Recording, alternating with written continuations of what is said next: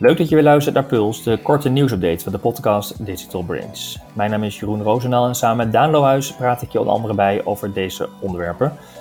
Er mist data in Search Console door een storing bij Google. De Google Link Spam Update is uitgerold en je kunt misschien solliciteren via TikTok. Maar we gaan eerst uh, toch beginnen bij Google. Wel iets ander nieuws van Google en Daan, relatief ja, toch wel groot nieuws. Want Google uh, heeft aangekondigd dat ze zelf de titels van pagina's in de zoekmachine gaan herschrijven. Uh, dus daadwerkelijk de titel die je zelf meegeeft op een pagina, uh, die wordt door Google aangepast. Dat is onlangs geïntroduceerd um, en dat heeft wel tot de nodige nou ja, onrust in het SEO-marketingland, de hele wereld eigenlijk wel geleid. eerder heeft het ook met de meta-descriptions gehad. Google zegt zelf dat het geen impact heeft op de posities uh, dat de titels anders worden. Maar ze zeggen dit te doen om vooral de UX, de gebruikservaring, te optimaliseren. Dat je een soortzelfde lijn, zoals altijd, de gebruiker staat voorop. Maar dat je een soortzelfde lijn van uh, titelopbouw terugziet in de, in de zoekresultaten. als je het afzet tegen de motivatie bij de meta-description, zou je zeggen, hier komen ze vrij laat mee. Um, ja, en er is ook onrust. Terwijl je ook had kunnen denken, dit hadden we kunnen, hadden we kunnen verwachten. Hoe kijk jij er tegenaan? Ja, dat gebeurt al heel snel. In ads gebeurt ook al heel lang. Dat je inderdaad niet meer een vaste ad-copy hebt of een advertentie, maar dat je inderdaad gewoon verschillende regels opgeeft en hij algoritmisch en op biedingen en CTS gaat bepalen wat dan de beste ad-copy is. En dat ook niet, en dat is volgens mij een beetje de kern hier, waarom ze dat ook doen.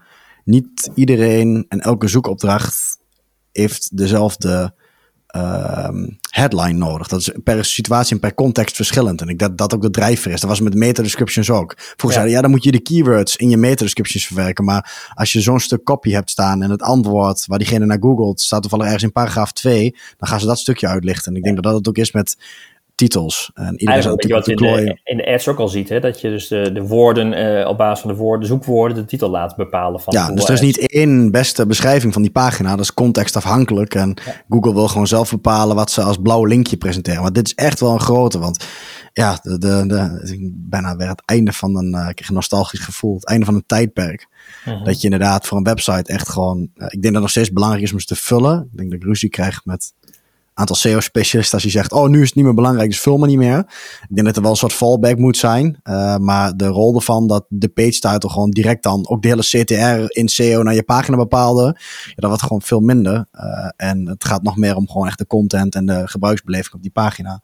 Ja. Dus um, ja, we gaan ook zien wat het doet. Maar het is wel een, uh, wat ik nogmaals zeg, ja, het einde van een tijdperk. Dat je echt heel goed over je titles moest nadenken en dat die precies paste binnen die lengte. En toen naar mobile ging, was de best practice zoveel tekens en die keywords voor aanzetten. En ja, dat, uh, dat, ja, dat hoef je minder over uh, geobsedeerd te zijn. Over een, uh, misschien niet meteen nu direct per vandaag, maar ik denk over anderhalf of twee jaar dat je zegt, uh, goh, zijn de titles wel gevuld? Hebben we de juiste meta descriptions? Dat die roep iets, ja, toch een stuk zachter gaat worden. Ja, ja en, en ja, ook om Google helpt je erbij. je hoeft daar zelf minder over na te denken. Google weet wat het beste presteert natuurlijk. Ja, toch is Google ook niet altijd uh, de waarheid. Ze hebben zelfs ook soms wel problemen ja. met daadwerkelijk de, de waarheid. Uh, althans, er is nu een, um, een fout ontdekt in Search Console. in de maand augustus is er over twee dagen iets misgegaan, waardoor de ja, data... 23 en de 24ste. Ja, 23 en 24 augustus is er iets misgegaan in de data, waardoor Search Console gewoon echt geen data toont. Uh, goed om te weten, want het kan natuurlijk betekenen dat je denkt: hé, hey, er is een dip, hoe kan dat? Wat is er misgegaan op mijn site? Uh, misschien ben je wel met je webbouwer aan het uitzoeken hoe en wat. Um, nou ja, weet in ieder geval, het is niet een fout bij jouzelf uh, of in je instellingen. Het is echt een fout die in de systemen van, van Google ontdekt is. Ja, en ik zit nog even te denken, hè, als iemand nou denkt van, hoe Search Console, wat is dat eigenlijk? ja, goeie. Ik, ik heb wel sommige marketeers die dan niet weten wat het is. Omdat je gewoon niet, ja, net, net te weinig met online bezig bent. Search Console moet je eigenlijk wel hebben als je een site in Google hebt staan. Want dat is eigenlijk inderdaad alles. Ja, hoe rankt je site in de Google uh, zoekresultaten? Uh, zijn er vier of vier pagina's die mensen tegenkomen vanuit de zoekresultaten? Die zijn lekker snel. Er zijn een hele hoop statistieken die je in Google Analytics niet kan zien. Ook inderdaad, uh, hoe vaak vertoning heb je op organische zoekopdrachten en dat soort dingen. En uh, ja, we gebruiken natuurlijk wel vrij veel om te kijken van, hey, hoe is het organisch zoekverkeer? En uh, uh, welke, welke, wat is onze CTR in de zoekresultaten? Um, En als je daar inderdaad een cap op hebt, gaan zo, redelijk veel mensen denk ik in paniek ook van, hoezo zijn we ik verdwenen in Google in die en die dag? Ja. Ja, dat weet je dus nou. Ja, dat is de angst, hè, dat je denkt, ik ben helemaal weg of er is iets misgegaan in meetbaarheid, maar dat valt dus Ja, het is een glitch en we snappen niet hoe. Eh, is die die dag wat misgegaan of lag de site eruit? Nee, Google verklaart Google het eruit. Google weet ook niet of ze data überhaupt kunnen herstellen. En tot op heden is er nog geen bericht dat het hersteld eh, is. Dus ik, het ziet er nou uit dat ze het inderdaad niet kunnen herstellen. Wel Redelijk uitzonderlijk toch? Dat ze wat, Ja. zoals je moet hebben in Google Analytics, want dan staat de wereld in brand, denk ik. Eh, als, als dat ja. zo zou gebeuren. Dus, Ja. Twee dagen ook, wel, wel Ja. serieus. Eh, maar misschien heeft het te maken met eh, de spam-update die Google uitgerold heeft. Kan me haast niet voorstellen, maar dat is ook weer nieuws uit Google. Eh, kleine update eigenlijk, een, een, een spam-update die ongeveer inmiddels twee weken geleden gestart is. En waarvan Google ook bevestigd heeft dat hij nu helemaal afgerond is. Ehm, het heeft wat langer geduurd. Ze zouden zeggen dat ze hadden eerder aangekondigd dat het eerder zou gebeuren. Maar het heeft wat langer geduurd. Uiteindelijk zijn ze een maand met de rollout bezig geweest.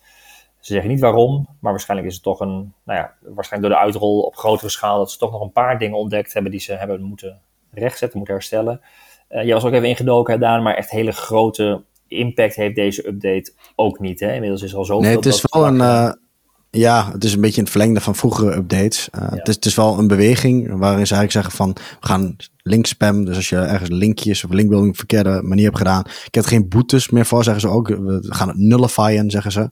Mhm. Dus ze willen gewoon dat die linkjes niks meer waard worden. Dus heb je nou een drop gehad of iets dergelijks, dan is dat waarschijnlijk omdat je nog profiteert op een of andere manier van iets wat Google spammerig vindt. Ja. En dat je daardoor kan, kan dalen. Het is wel een, een redelijke update, maar het is dus vrij specifiek gefocust op linkspam. En hij heeft ook verder geen naam of zo. Dus het is niet een hele grote algoritmewijziging zoals we eerder dit jaar hebben aangekondigd. Dat echt op machine learning en die, eh, die brede identifiers, dat die tekst gaat snappen. Bijvoorbeeld niet letterlijk de keywords pakt, maar de betekenis erachter zoekt met machine learning. Dat soort updates. Ja. Daar is nu geen sprake van. Het is puur een, een correctie. Ja, Dus, correctie eh, die wel impact kan hebben, maar als je eigenlijk al in de lijn van Google handelt, dan is dat, zal het eh, weinig effect hebben. Ja. Eh, nou, wat mij betreft eh, voor nu even genoeg Google. Eh, door naar Amazon, want die hebben ook iets nieuws aangekondigd. vooral voor merken. Ehm, En ik sta me iets van bij dat, dat er zelfs merken zijn geweest in het verleden. Ik dacht dat Nike er ook mee geëxperimenteerd had. Door helemaal geen e-commerce meer zelf te gaan doen, maar gewoon alles door te leiden naar Amazon. En Amazon gaat dat juist nu ook verder stimuleren. Hè? Dat je als Ja, merk- Nike was andersom inderdaad. Die zeiden juist, ja, volgens wel, die staan wel op Amazon, maar die gaan het aantal eh, e-commerce shops, zeg maar, hebben ze gezegd. Volgens mij, we verkopen ook zelf. En het aantal e-commerce retail brengen we terug naar 100. Eh. Dus niet meer overal wijd verkrijgbaar zijn, omdat ze veel last hadden van... eh voor mij stopten ze toen ook met Marketplace, dacht ik zelfs, eventjes. Maar, nou, meestal, maar anyway, ehm, In ieder geval is het, het zo dat het Amazon... verhaal is als je een merk Ja. bent en je hebt een webshop. eh, je hebt nu vaak, hoor je ook de argumenten. ehm eh, ja, je natuurlijk ook in de markt. ehm, dat je eigenlijk, eh, ja, één, je hebt een hogere marge in je eigen webwinkel. Dus waarom zou je verkeer dan naar Amazon leiden? Je betaalt natuurlijk redelijk wat fees en je bent redelijk wat advertising kost, kost al kwijt. Dus waarom ga je dan nog een keer iemand... En dan kun je beter zelf verkopen. Eh. En eh, dat je natuurlijk ook de klant van jezelf is. En dat je de first party data letterlijk hebt. En dat je hem ook voor ja, toekomstige marketing... Je kunt veel meer klantbinding en beleving doen... dan dat je het via, een, eh, via Amazon doet. Ja. En ehm, dus dat waren altijd argumenten. En nu hebben ze dus een brand referral bonus programma. Je moet wel een geregistreerd merk zijn. Dus je moet wel echt een, ja, nogmaals, ook in de EU geregistreerd merk hebben om überhaupt een brandstatus te hebben op Amazon. Dat is niet heel super bijzonder. Eh, dat, dat kan wel eens gebeuren. Zorgt er ook voor dat je productdata en zo op orde kan hebben. Ook resellers die jouw merk verkopen, dat die ja, in ieder geval jouw content en de A content gebruiken.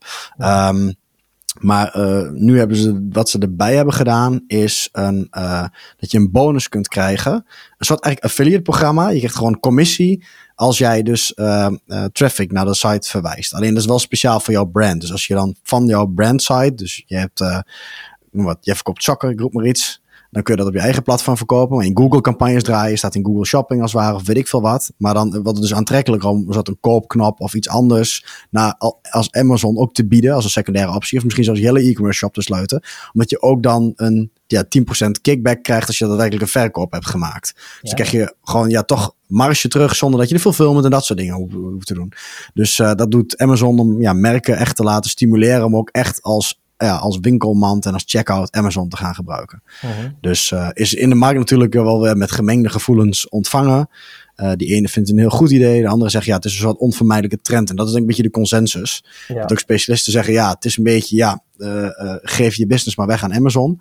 Maar uh, ja, dit is wel een glijdende schaal. En waarschijnlijk zijn er ook andere marketplaces. Ik ben ook wel benieuwd wat Bol.com bijvoorbeeld gaat doen. Dat die misschien ook dat wel gaat doen. Want je hebt natuurlijk al de affiliate programma's überhaupt dat iedereen kan doen. Ja. Maar dit is echt speciaal voor het merk. En die commissies zijn volgens mij wel iets hoger. Want bij een normaal affiliate programma is het echt niet uh, 10 tot 15 procent van de sale, zeg maar, wat je krijgt. Echt wel veel minder. Dus als je het merk hebt. Alleen ja, de, de, de wereld, die, uh, de online wereld zegt nu wel weer van ja, het is nu 15%. Moet je kijken wat over vijf jaar is, ja, weet je wel. Ja. Als ze eenmaal uh, je te pakken hebben, dan word je uitgeknepen. Dus de vraag is ook, wat is een slimme move? Maar ja, de vraag is ook, heb je keuzes inderdaad? Dus, maar er is een optie bijgekomen en het is wel een bredere trend, denk ik, van Amazon, uh, waar je ziet van, ja, ze willen echt gewoon de, de everything store zijn. Dus ook voor merken, ja, een goede optie zijn om, om naar door te verwijzen.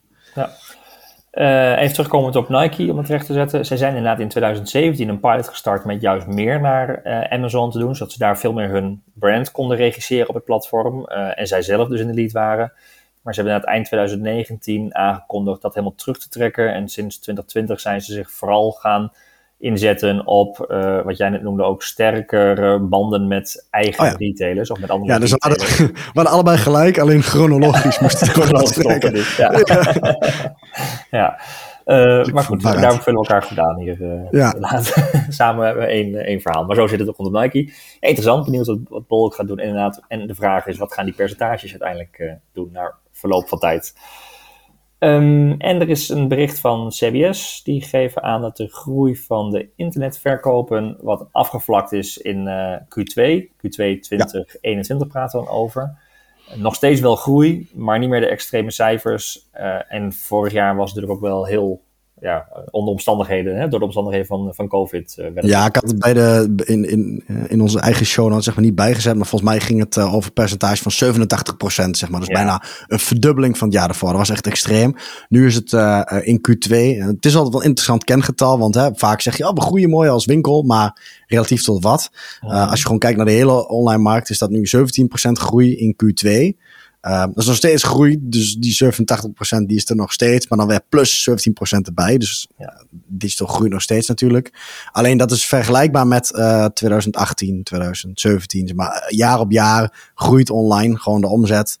Überhaupt in de economie natuurlijk groeit, maar uh, de on online groei groeit 17%. Wat verder wel uh, opvalt, uh, althans vond ik in de cijfers. Ze maken een onderscheid tussen meer omnichannel en gewone retailers, zeg maar.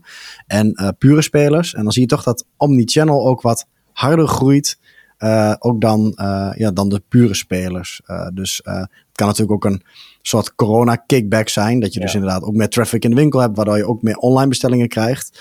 maar het is wel ja, grappig om die differentiatie te zien dat de, de on, omnichannel spelers nog wel iets harder groeien nog dan de pure spelers uh, op dit moment. Misschien het feit dus, dat ze weer buiten mogen komen en dat je naar de winkels weer ziet, even naar binnen loopt en vervolgens online weer verder gaat oriënteren. Ja, ja, ja dus, dus het is wel de online omzet van omnichannel retailers. Dus niet ja. van ja, logisch dat er in de winkels meer wat verkocht, maar je ziet dus nu dat uh, de, ja, de, de groei van omnichannel harder is dan, uh, dan de pure winkels. Dus, ja. ja. Nou, interessant. En dan uh, eindigen we met, uh, met TikTok. En ik hoop, uh, Daan, dat het niet in jouw feed komt omdat jij onze podcast wil gaan verlaten. Maar je kunt gaan solliciteren via TikTok, had jij gezien. Is ook bij de Walmart aan het werk gaan of zo, dus dat is niet best. Oké, oké. Okay. moet ik naar de VS verhuizen, want in Nederland doen ze het niet nog. Ah, nee, nee. Gelukkig, gelukkig. Maar vertel, wat, wat is er aan de hand bij TikTok? Wat is er aan de hand? Nou ja, eigenlijk, uh, ik, ik vond het opvallend, want uh, inmiddels is het experiment ook al afgesloten. En ik zat even naar die hashtag te kijken, voordat we deze opname natuurlijk deden. Want dit deden ze in, uh, in juli, dus die stond al een tijdje op ons lijstje. um, we hebben natuurlijk vakantie gehad. Um, ja. dus ik, het mooie is, je kon ook zien van wat is er uiteindelijk gebeurd. Dus volgens mij, het ja, het is afgerond en ze hebben nog niet verder geschaald. Maar wat is het idee? Um, eigenlijk hebben ze gezegd, voor bepaalde banen of functies. Hoe vet zou het zijn als je een videosollicitatie via TikTok kan doen? Videosollicitaties zijn uh, volgens mij ook ons niet vreemd. Ik weet nog dat wij nee. onze eerste office manager bij Advice via allerlei video's binnenkregen inderdaad. En dat, op zich is dat een heel mooi medium. En natuurlijk via TikTok is het nog makkelijker krachtiger, kortiger, uh, kortiger, korter, beknopter. Je kunt het in principe vanuit je zak doen. En iedereen kan een TikTokje editen, zeg maar. Zeker die, de jeugd die dat gewend is. En uh, um, ze hebben voor een aantal functies, een paar grotere organisaties, hebben ze ook een hashtag uh, um, ook opgericht. Uh, dan ben ik gewoon het hashtag kwijt. Waar is die, waar is die, waar is die? Waar is die? Als je nu ook op... Uh, ja, TikTok resumes. Uh, oh ja, volgens mij is dat gewoon de, ja, de hashtag ook TikTok resumes. Als je daar nu op kijkt, zijn allemaal mensen die dat ding proberen te hijacken. Omdat het nog steeds wel een soort trending hashtag is. Ja, maar uh, ja. als je teruggaat in de tijd, op dat moment konden ook mensen solliciteren met zo'n hashtag. En dan kon je ook naar een, een, een brand of naar de, de, de brands die meededen met die actie. En dat was, even kijken, um, Chipotle, dus zo'n, wat is dat, burrito de um, uh, fastfoodketen, Target, dus uh, elektronica retailer, uh, yoga, Shopify ook. Um, nee. En andere hadden ze dus al als pilot, als een soort early adopters gekozen. En um, ja, maar ook voor functies van Ober, zeg maar. Dus dat hele, ja, ja, relatief weinig complexe, uh, die ook niet echt om een cv gaan op papier. Tot ook product managers bijvoorbeeld, die gewoon een keer hun creativiteit laten zien van digitale producten bijvoorbeeld op, uh, op Shopify, die konden uh, solliciteren. En dan krijg je echt hele gave video's van. Een soort, het is niet natuurlijk een finale sollicitatie, maar het eerste ding waarin je opvalt. Want ja, jij kent natuurlijk ook, je bent bij Edward ook verantwoordelijk voor een voor waarschijnlijk het selecteren en scannen ja. van, van cv's in een bepaalde vorm. En dan zijn video's natuurlijk wel echt iets om op te onderscheiden. En waar even een korte samenvatting, wat heel veel zegt ook, uh, beeld zegt meer dan duizend woorden. Dus waarom ik het interessant vond, is als je ook die, die, die video's ziet, het is wel een hele gave manier om, om op te vallen. En het gaat waarschijnlijk iets zeggen over de toekomst van hoe je sollicitaties doet. Nu iedereen in principe een telefoon in de zak heeft, vraag ik me inderdaad echt nog af, hoe lang ja. is een cv in een pdf-vorm met jaren en werkervaring zeg maar nog houdbaar. Ja. Ga je niet gewoon op LinkedIn kijken of weet ik veel wat. En inderdaad stuur je een soort ja, videobericht of een ander contentformaat kan ook. Het zou ook foto's kunnen zijn, zeg maar. Een soort van ja, beknopte samenvatting of een kort verhaal van jouw leven en jouw rol in die functie, zeg maar. Ja. En dat wel steeds normaler gaat worden. Dat denk ik dus, ook. Um, zit echt in de broekzak, het maakt het laagdrempeliger. En je ziet ook steeds meer dat ook veel minder de cv belangrijk is, maar veel meer bepaalde skills en competenties uh, ja. uh, dan echt je werkervaring.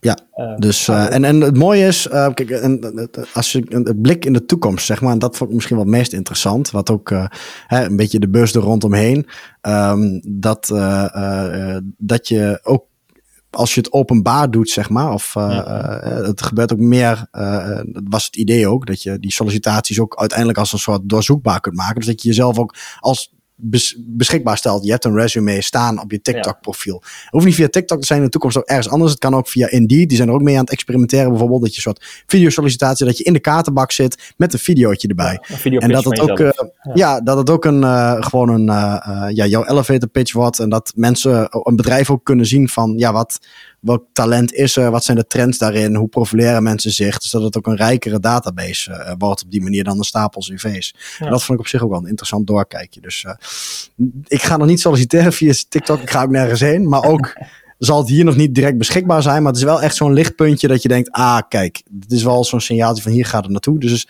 leuk om een keer te kijken op TikTok. Om die TikTok resumes... Uh, of daar wat... Als je het googelt zie je ook wel voorbeelden ervan. Ja denk van nou, dit wordt wel iets in de toekomst. Dus, ja. Uh, een andere uitdaging, de HR-managers moeten ook anders naar sollicitanten en solliciteren gaan ja. kijken. Uh, ja, maar ik denk ook echt dat het makkelijker is. Als je dat ziet, dan krijg je echt een indruk en een ja. gevoel bij iemand. En um, ik, weet niet, ik, ik, zag een videootje op de pagina van, van TikTok zelf, staat een voorbeeld volgens mij van een product manager.